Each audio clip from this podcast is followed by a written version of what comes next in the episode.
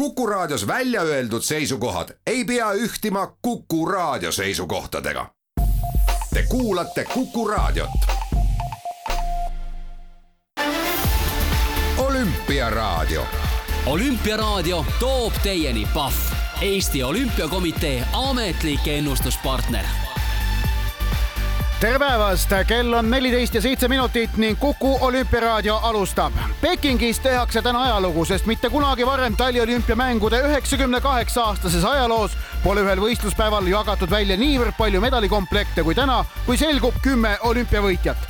mõned neist on juba teada, mõned selguvad just neil hetkedel ja viimased paari tunni pärast. taliolümpia on täies hoos, mina olen Ott Järvela, läksime. olümpiaraadio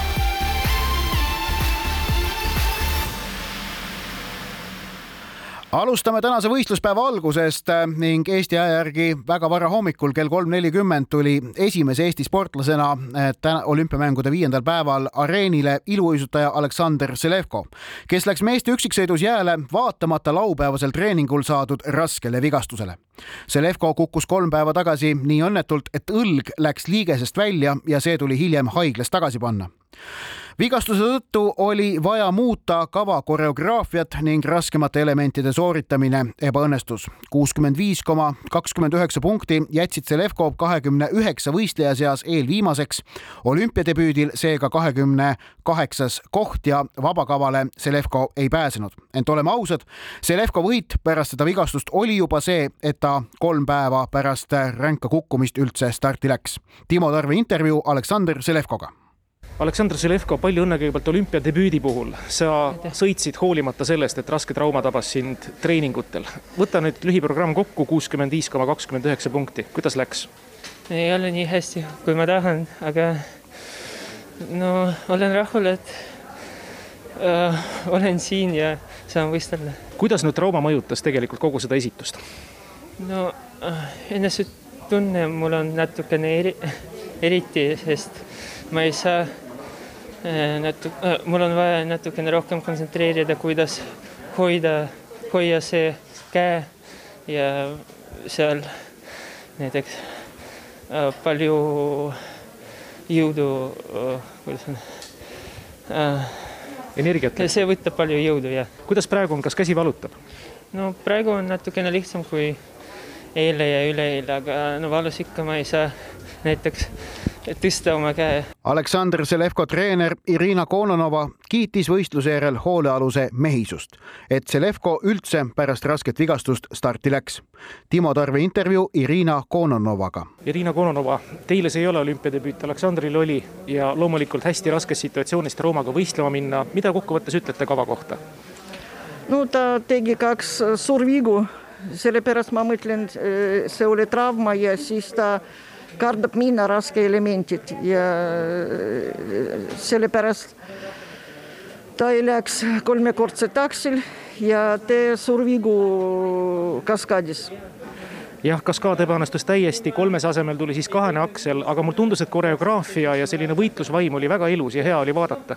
aga koreograafia me ka natukene muud, muutmine, sellepärast parem käsi üldse läks üles või kõrval nende päevade jooksul, kui palju te pidite mõtlema, ümber lohutama, et Aleksander kindlasti jääle tuleks? Ja palju te pidite kava ümber tegema, kui raske see oli? no Aleksander kohe otsas, et ükskõik ta võistleb, aga me proovime esimene trenni, mis me võime teha ja teine treener pärast teine trenni me otsustame, et võistleme jätkame äh, olümpiaraadioga ning äh, lühikava järel iluuisutamises on liider ameeriklane Nathan Chen, kelle sada kolmteist koma üheksakümmend seitse punkti tähistavad maailmarekordit. teine USA sportlane Vincent Zhu ei saanud aga positiivse koroonaproovi tõttu starti minna. meeste iluuisutamise äh, võistlus lõpeb ülehomme, kui siis kakskümmend neli paremat sportlast esitavad vaba kava liigume aga nüüd juttudega suusarajale, kus mõni minut tagasi selgus tänase päeva esimene murdmaasuusatamise olümpiavõitja, nimelt on siis täna kavas individuaalsed vabatehnika sprindid ning naiste võistluses kvalifikatsioonis parima tulemuse välja sõitnud rootslanna Jonna Sundling tegi finaalis väga võimsa esituse, finišeeris kaks koma kaheksakümmend kaheksa sekundit enne Maia Dahlqvisti ehk et Rootsile kaksikvõit ning pronksi võitis USA vanameister Jesse Diggins. meeste finaalsõit on Pekingis algamas mõne minuti pärast ning selle juurde tuleme tagasi saate lõpus ja räägime siis, mis seal täpsemalt juhtus. olgu öeldud, Johannes Hösford Kläbo seal stardis on, aga Aleksander Boltšunov mitte sellepärast, et tema täna sprindis ei tulnud starti isegi mitte kvalifikatsioonis. Eesti murdmaasuusatajaid oli täna Pekingis stardis seitse, kes kõik jäid kahjuks veerandfinaali ehk kolmekümne parema sekka jõudmisest kaugele. naistest saavutas neljakümne esimese kohaga parima tulemuse Mariel Merli-Pulles, keda intervjueeris finišis Timo Tarve Mariel Merli-Pulles, täna Eesti tüdrukutest parim, kahjuks ei õnnestunud Seefeldi saavutust korrata. räägi, kuidas see sõit sinu silme läbi oli? Ma andsin endast rajal nii palju kui võimalik, aga aga ma ei teagi, et ju siis ei ole vorm veel nii, nii hea, et, et saaks seda korrata, mis Seefeldis sai tehtud. kolm ja pool sekundit umbes jäi edasipääsus puudu, kas oli seda kuskilt võtta või pigem mitte? kui nüüd järele mõelda, siis siis ja ma andsin endast kõik, et ma arvan, et täna ei oleks võimalik seda kolme poole sekundit juurde kuskilt võtta. aga vähemalt saavutus see, et tegid Eesti tüdrukutele ära jah, see, see on ka hea asi kuidas nüüd olümpia edasi läheb? minu järgmine start on teade ja siis selgub veel, kas äh, ma saan sprinditeatesse ka, et see on juba treeneri otsustada Kaidi Kaasiku sai neljakümne kaheksanda, Keidi Kaasiku kuuekümne teise ja Aveli Uustalu kuuekümne neljanda koha. Eesti meessprintereid oli stardis kolm, kellest edukaim tänavune Eesti meister Henri Roos. olümpiadebütant sai neljakümne esimese koha, edasipääsust jäi puudu kaks koma seitse sekundit. Timo Tarve intervjuu Henri Roosiga Henri Roos on täna parim eestlane rajal, hetkel kui me räägime, on tabelis neljakümne esimene koht, suure tõenäosusega jääb, sekundiga lõid ka Marko Kilpi. millised on siis tundmused rajalt? ma arvan, et sellise enda soorituse tegin ära, et kuna see aasta ei olegi ennast võrrelda saanud maailmaga, siis äh, ütleks, et ei olnud halb, aga ei olnud ka nüüd midagi erilist, et üle oma varju ei hüpanud, aga aga poole peal siin vaheaegu siis tundus päris ilus sõit ja aga eks ta lõpus natukene, natukene poos hoo kinni ja sinna sekund-paar veel läksid, ma arvan. no poole maa peal olid tegelikult neljakümne neljas, nii et mõne koha peal jah, ikkagi natuke tõusis. hoolimata siis... sellest, mida tunne ütles. okei okay., siis võib-olla öeldi natukene sellise varuga seda aega, aga, aga kui nüüd, nüüd teada sai, et nelikümmend neli ja nelikümmend üks, siis ega nüüd ei ole kunagi halb niimoodi, et teise poolega tõused. Kuidas nüüd oma hinna, eh, seisundit hindad, üldiselt on vist ikka niimoodi, et maailma tipuga võrreldes on kõik meie mehed täna tegemas oma ja siin olümpial parimaid kohti. Alvar Johannes, eks ole, distantsil, Marko Kilp, noh, tegelikult ju ka hooaja parim sõit maailma tippudega võrreldes, olgugi et koht on nagu ta on, kuidas sinul? Eks eh, minu puhul oli see kindlasti praegu tiitlivõistluste ja maailmakarika parim sõit ka, et eh, ühe stardi olen MM-il teinud varem, see oli juba kolm aastat tagasi, et siis oli kuskil kuuekümne kandis see koht, siis ma olin ka Markost ja teistest eestlastest tagapool, et juba seekord ma arvan, minu seisundit, seisundi kohta näitab äh, hinnangut see, et ma olin teistest eestlastest praegu parem, et mis on, ma usun, et minu kohta hea, aga eks tuleb veel paremaks saada.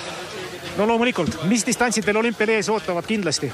kindlasti viisteist klassikat ja teade ja eks siis see sprinditeade nüüd sõltub eelnevate võistluste põhjal nelja aasta eest PyeongChangi taliolümpiamängudel individuaalses sprindis seitsmeteistkümnenda koha saanud Marko Kilp, kes olnud eelnevatel aastatel Eesti esisprinter, pidi leppima kõigest neljakümne viienda kohaga, mis valmistas suusamehele mõistagi kerge pettumuse. Timo Tarve intervjuu Marko Kilbiga. millised on muljed rajalt ja kuidas on enesetunne?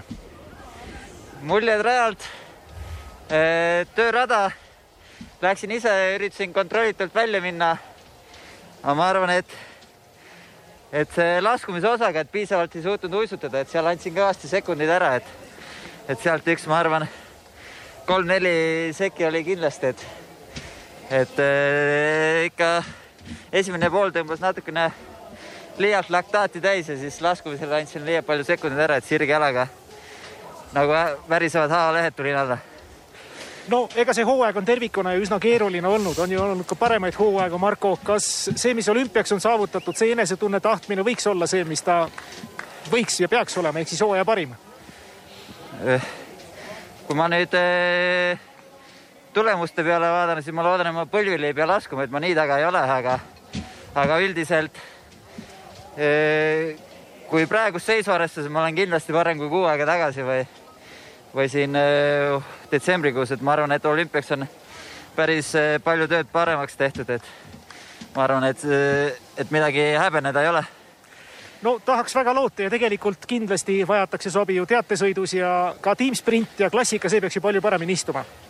ja kui ma nüüd eh, siin natukene juba puhanud olen ja pea olen selgeks saanud peale natukene finišit, siis et praegu tunnen üldiselt päris okei okay,, et aga kahjuks jah, tulemus seda ei räägi sarnaselt Henri Roosile tegi täna oma olümpiadebüüdi Martin Himma, kellele läks protokolli kirja neljakümne kaheksas koht. kaotust Roosile kogunes kaks koma üheksakümmend kaks ja Kilbile üks koma kaksteist sekundit. Timo Tarve intervjuu Martin Himmaga. Martin Himma, olümpiadebüüt on tehtud, praeguse hetke seisuga vist jääb neljakümne kaheksas koht Eesti meestest teine. oled sa rahul? Äh, ma arvan, et tulemus oli selline, et, äh, et piinlikkust ei pea tundma, aga kindlasti oleks tahtnud paremini kas juba mõtlesid natukene ka, et kolmekümne sekka võiks ühel hetkel üritada?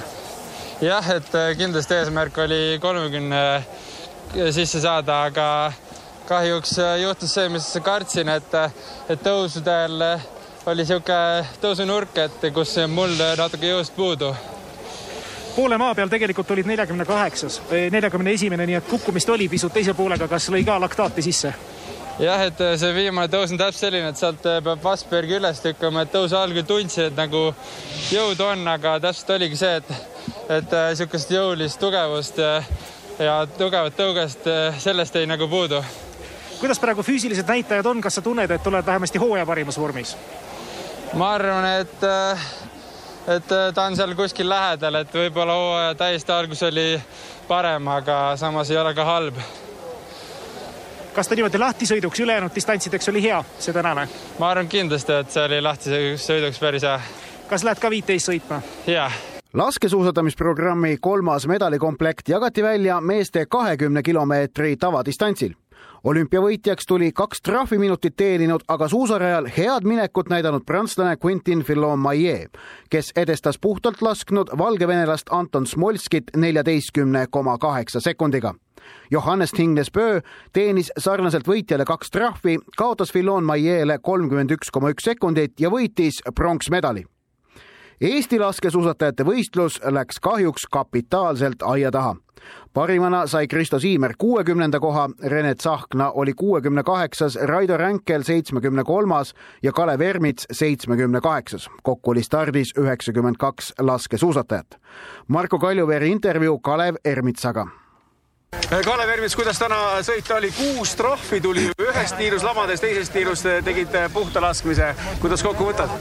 no täna see ainuke lamades laskmine oligi ainuke positiivne asi, et eh, ühe nulli õnnestus lasta, et eh, väga keeruline, keeruline oli endal rajal, et eh, oli tegelikult väga head olud täna, et tuult selgelt vähem, selline mõõdukas külmakraad ja ja oli täiesti hea päev, et oleks võinud teha midagi head, aga paraku ei kasutanud jälle võimalust ära. kas see tuhat seitsesada meetrit merepinnast, see annab ikka tunda, see õreõhk ja?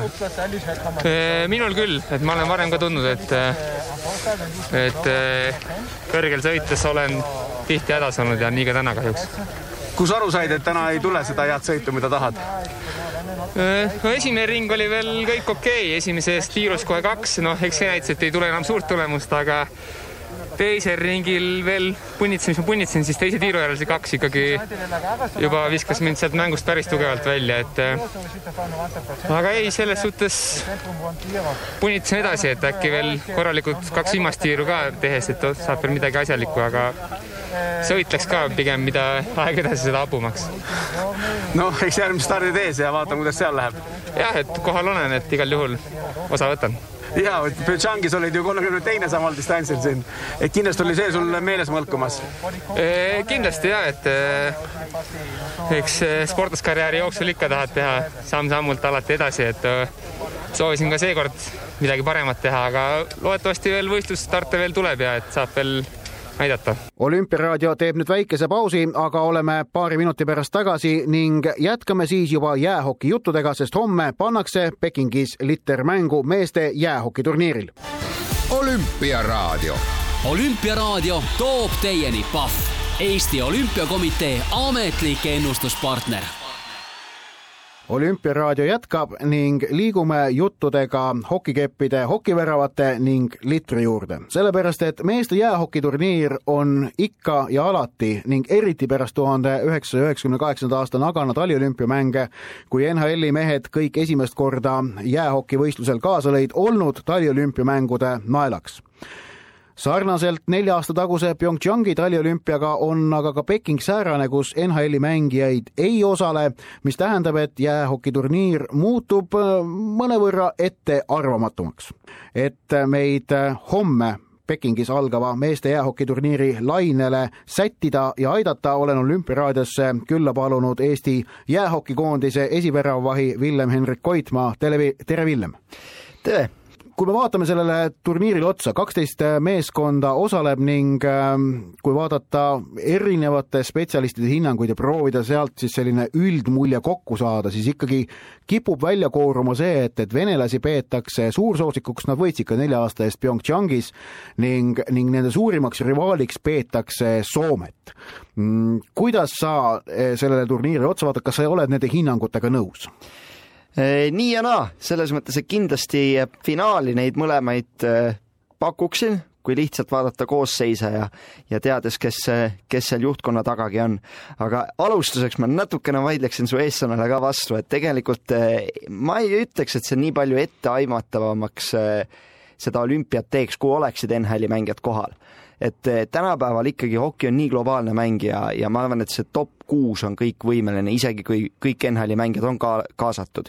tõesti, Kanada šansse ja USA šansse need, need koosseisud kõvasti tõstaksid, aga sellegipoolest eh, ma arvan, et see etteaimatavuse tase on umbes sama no jaa, aga kui NHL-i mehed oleksid kohal, siis meil ei oleks varianti näha midagi sellist, nagu me nägime neli aastat tagasi PyeongChangis, kus Saksamaa jõudis finaali. no see ei oleks siis, oleme ausad, reaalne. ja ma vastan samamoodi, et Saksamaa ei ole hetkel veel top kuus äh, maailmas, et äh, sellepärast ma e-, hoolikalt ütlesin ka top kuus, et see, see Saksamaa on, ma arvan, et üks kümne aasta pärast võib-olla võime rääkida Saksamaast kui sellisest riigist, et äh, on sealt Dreissaitel, kelle juhtimisel ma arvan, et iga, nii mõnigi teine Saksamaa väike poiss valib jäähoki jalgpalli asemel ja, ja rahvaarv seal on piisav, et see, sellest võiks tulla, Saksamaast võiks tulla üks suur-suur hokiriik hüva, äh, võtan kriitika omaks, diletant ikka aeg-ajalt äh, kipub peale lendama ja spetsialist siis peab äh, teda parandama ja korrigeerima, aga Venemaa ja Soome, Venemaa Olümpiakomitee tuleb ja see on väga aus ja tähtis, et niimoodi öelda, et ei tohi öelda Venemaa, sest et Venemaa ei vääri nendel olümpiamängudel osalemist, kuna nad on tegelenud pettusega. aga Venemaa Olümpiakomitee võistkond ja Soome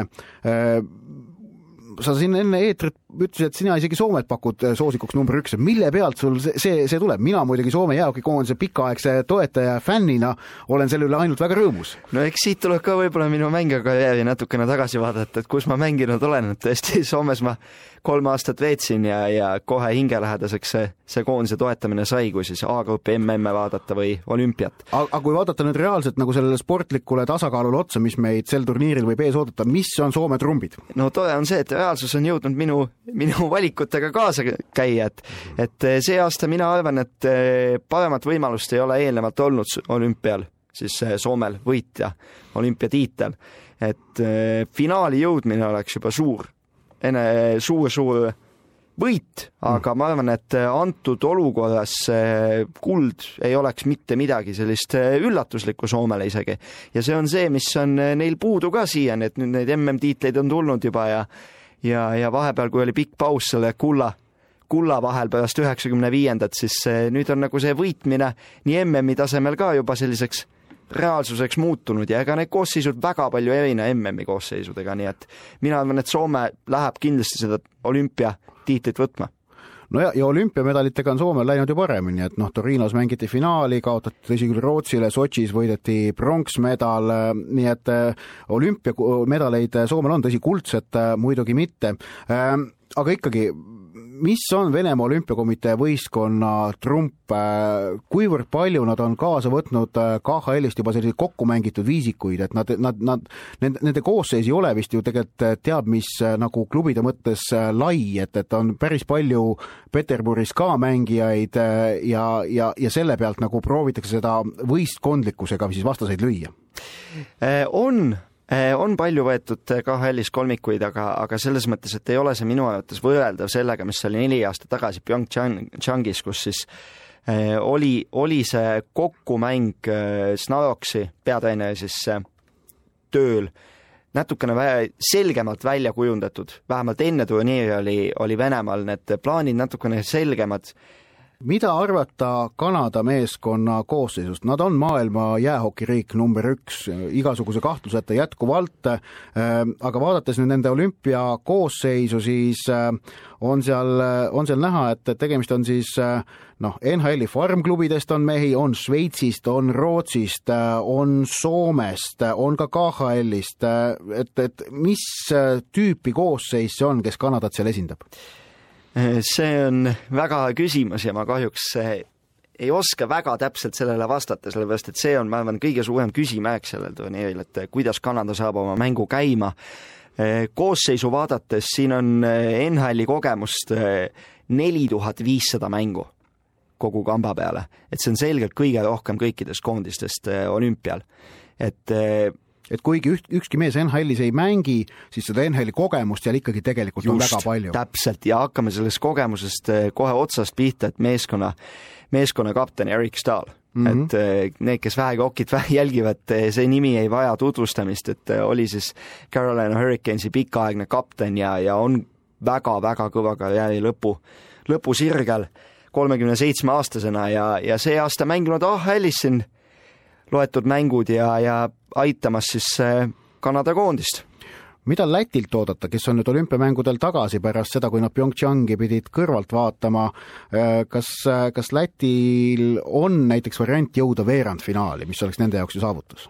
kindlasti arvan mina. aga nende edu põhineb ka siis sellele, et ikkagi väga palju võistkonda mängib Riia Dinamos, seal Riia Dinamost on, on võistkonnas Läti koondises vist kümme mängijat, mis tähendab ju, et, et, et, et nagu väga palju neid iganädalasi loogikaid, mida treeningutel, mängudel niikuinii proovitakse, võetakse kaasa nüüd siia olümpiamängudele. kindlasti ja, ja noh, eks seal on kindlasti palju ka tööd äh, treeneritel, et äh, asjad käima saada, treeneriteks siis esmakordselt peatreeneri rollis on Ares äh, Vitalins, temale kindlasti suured kingad, kuhu astuda, äh, mees, mehed mängima panna, aga ma arvan, et äh, tal on nii kõva kogemus ja on ta olnud eelnevalt siis ka Läti koondise juures abitreeneri rollis pikalt, et, et ma arvan, et ta sobib sinna hästi. Ja olles ise lätlane, ma arvan, et ta, ta suudab selle meeskonna hinge sealt päris hästi käima saada ja, ja kui nüüd koosseisu juurde siis tagasi tulla, siis Läti koondis üks nendest, kellest väga palju siin NHL-i meestes puudust ei tunta.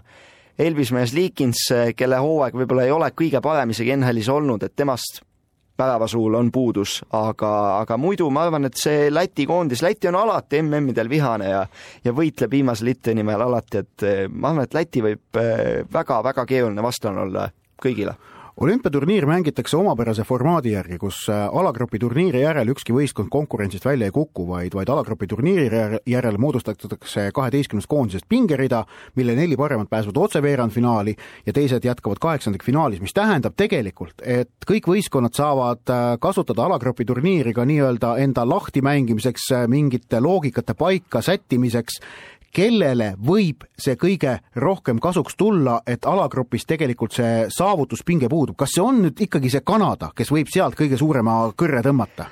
Äh, oled eeltöö teinud, kiitused, tõesti Põhja-Ameerika koondised, äh, need, kellel pole võimalust olnud, kes ei mängi neid eurohokituure, nagu on Euroopa Liidu äh, koondised, et et nendele kindlasti see kasuks tuleb, näeme sellist näidet ka MM-idel et eh, tihtipeale need Põhja-Ameerika koondised alguses ei saa nagu käima, aga mida turniir edasi läheb, seda paremini mängud lähevad ja ja kõige parem näide ongi viimane mm, kus Kanada esimesed kolm mängu kaotas ja pärast eh, ei jäänud kellelegi alla, nii et ja tuli ka maailmameistriks. aga samas me vaatame sellele Pekingi olümpiaturniirile otsa ja ütleme, et see on ikkagi KHL-i turniir. oled sa nõus? Sest et noh, mängijaid on kõige rohkem ju KHL-ist, see on nüüd koht, kus KHL äh, saab näidata, mida nemad väärt on. Eh, jah, kui siiani oli olümpia oli NHL-i turniir, NHL ei ole, siis võetakse ju loomulikult maailma paremuselt teine liiga. et eh, KHL-i turniiriks seda mõnevõrra võib nimetada, aga, aga on jäähoki globaliseerunud ja kõvasti viimase kümnendi jooksul ja, ja on mängijaid ka koondistes, kes on mängimas Šveitsis, Rootsis, ka Saksamaal, et on importe, häid importe paljudes erinevates riikides ka ja, ja just selliseid vanemaid mängijaid, kes võib-olla sellise KHL-i graafikuga käi-, kaasas käimine võib raske olla, et, et nemad on mängimas Šveitsis, et hea näide on soomlaste kapten Valter Filpula, kes siis mängimas on Genev Servetis, et Šveitsis sa oled, Villem, läbi ja lõhki jäähoki inimene, kes no elab, hingab ja sööb jäähokit. ütle ausalt, kuivõrd kahju sul on, et olümpiamängudel maailma parimad hokimehed ikkagi kaasa ei tee, et mida see NHL-i puudumine äh, tähendab maailma noh, jäähokile, kõigile neile inimestele, keda maailmas on tõesti miljonid, kelle jaoks jäähoki on noh, selline elustiil ja väga tähtis osa elust? no eks äh, ikka on kurb, et äh, parimaid ei näe omavahel mängimas, et tõesti see Nagano, Nagano turniir on see, millele tagasi vaadatakse ja ja just see NHL-i mängijate olemasolu oli see, mis tegi selle turniiri nii eriliseks. aga eh, mulle meeldib alati positiivse poole pealt elu vaadata, et eh, kindlasti ka sellisel kujul on eh, olümpiaturniir väga-väga väga huvitav ja, ja, ja kindlasti seal tuleb põnevaid kohtumisi ja ja, ja juba viies kord vist ütlen, et jäähoki on globaliseerunud ja see tase on ühtlasemaks muutunud üle maailma, et taseme poolest kindlasti väga kõrgetasemeline see turniir saab olema. lõpetuseks lihtne küsimus, kes tuleb meeste jäähokis olümpiavõitjaks? Soome. olümpiaraadio. olümpiaraadio toob teieni Pahv, Eesti Olümpiakomitee ametlik ennustuspartner. Olümpiaraadio jätkab ning äh, võrreldes meie saate algusega on Norra ühe olümpiakulla võrra rikkam riik, sellepärast et vahepeal lõpule jõudnud murdmaasuusatamise meeste sprindivõistluse finaalis ei olnud vastast Johannes Hösflot Kläbole. Äh, Federico Pellegrini, itaallane, punnis küll lõpusirgel ka veel tublisti vastu, aga sõit oli Kläbo kontrolli all ning kuld talle, hõbe Pellegrinole. pronksi võitis Venemaa olümpiakomitee esindaja Aleksander Terentjev ning esimesena jäi medalist ilma soomlaste suur lootus Joni Mägi kus on Aleksander Boltšanov või kus ta oli, võis tekkida suusasõbral õigustatud küsimus, sellepärast et suusavahetusega sõidu olümpiavõitjat täna stardis ei olnud, kuigi protokollis ta oli. tuli välja siis äh, siin vahetult enne võistlust, et äh, Boltšanov olla eile õhtul otsustanud, et äh, eelistab sprindi ikkagi vahele jätta ning keskenduda viieteistkümne kilomeetri klassikatehnikast eraldistardisõidule. nii et see oli siis Boltšanovi otsus sprint ohverdada selle nimel, et äh, mõne päeva pärast viieteistkümne kilomeetri distantsil paremas löögihoos olla. vaatame otsa veel ka põgusalt teistele olümpiaaladele, mis äh, täna on lõppenud ja kus medaleid on jagatud. meeste mäesuusatamise teine medalikomplekt läks laht-, laiali jagamisele meeste ülisuurslaalomis, kus kolmandat olümpiat järjest tuli olümpiavõitjaks Mattias Maier ehk et Austriale kuld sealt. nagu varasemalt öeldud, meeste laskesuusatamises kahekümne kilomeetri distantsil Quentin Fillon-Maillet tõi Prantsusmaale kulla. naiste suusasprint lõppes siis rootslanna Jonna Sundlingi võiduga kurlingus on lõppenud pronksimatš, kus Rootsi alistas Suurbritannia tulemusega üheksa-kolm ning kullamatš äh, Itaalia ja Norra vahel hetkel käib ning seda on võimalik otsepildis vaadata Duo äh, viis kanalil. Äh, lisaks selgus siis täna varahommikul ka naiste freestyle suusatamise big-air hüpete olümpiavõitja, kelleks on Ailing Aileen Gu, Kelly Sildaru suur rivaal, hõbemedal seal Tess Ledööle ning pronksi võitis šveitslanna Mathilde Grimaud ning mitmel alal on veel olümpiavõitjad täna selgumas, naiste kelgutamine näiteks, aga küll aga on selgunud siis lumelaua paralleel suurslaalomi olümpiavõitjad seal naistest võitis tšehhitar Ester Ledetška ning meestest austerlane Benjamin Karl ning kiiruisuhallist järjekordne kuld Hollandile meeste tuhat viissada meetrit võitis Kjeld Nuis põgus pilk ka medalitabelile, seal seda juhib Rootsi, kellel on võidetud kuus medalit, aga neist koguni neli kuldset, kolm kulda on ette näidata Hollandil, Hiinal ja äh, Norral ning äh, kokku on medaliriike praeguse seisuga Pekingis kakskümmend kaks. ühe pronksiga on selle tabeli lõpus Soome, Lõuna-Korea ja Poola homme Eesti sportlastest Pekingis võistlemas ainsana Kaitlin Westerstein naiste slaalomis, otseülekanded Kanal kahes kell neli null viis ja seitse kolmkümmend viis, samuti kahevõistluse suusahüppevõistlus ja murdmaa samuti homme Kanal kahes, aga Kristjan Ilves seal kahjuks siis stardis ei ole. algab ka meeste jäähokiturniir, kus Duo viis näitab kell kümme kolmkümmend mängu Venemaa-Šveits ning kell viisteist null null mängu Tšehhi-Taani. kuku olümpiaraadio lõpetuseks mängime laulu, mis tõuseb Soome edetabelite tippu siis, kui täitub Eesti jäähokikoondise väravahi Villem-Henrik Koidmaa ennustus ning meeste jäähoki olümpiakulla võidavad meie põhjanaabrid. järgmine Olümpiaraadio Kuku otse-eetris teisipäeval kell neliteist. valmennusjohtoon terveenä ainoa, kenestä on vähän huoltaa tietysti selostajaosasto täällä ei aina olla terveinä, mutta ei sen väliä.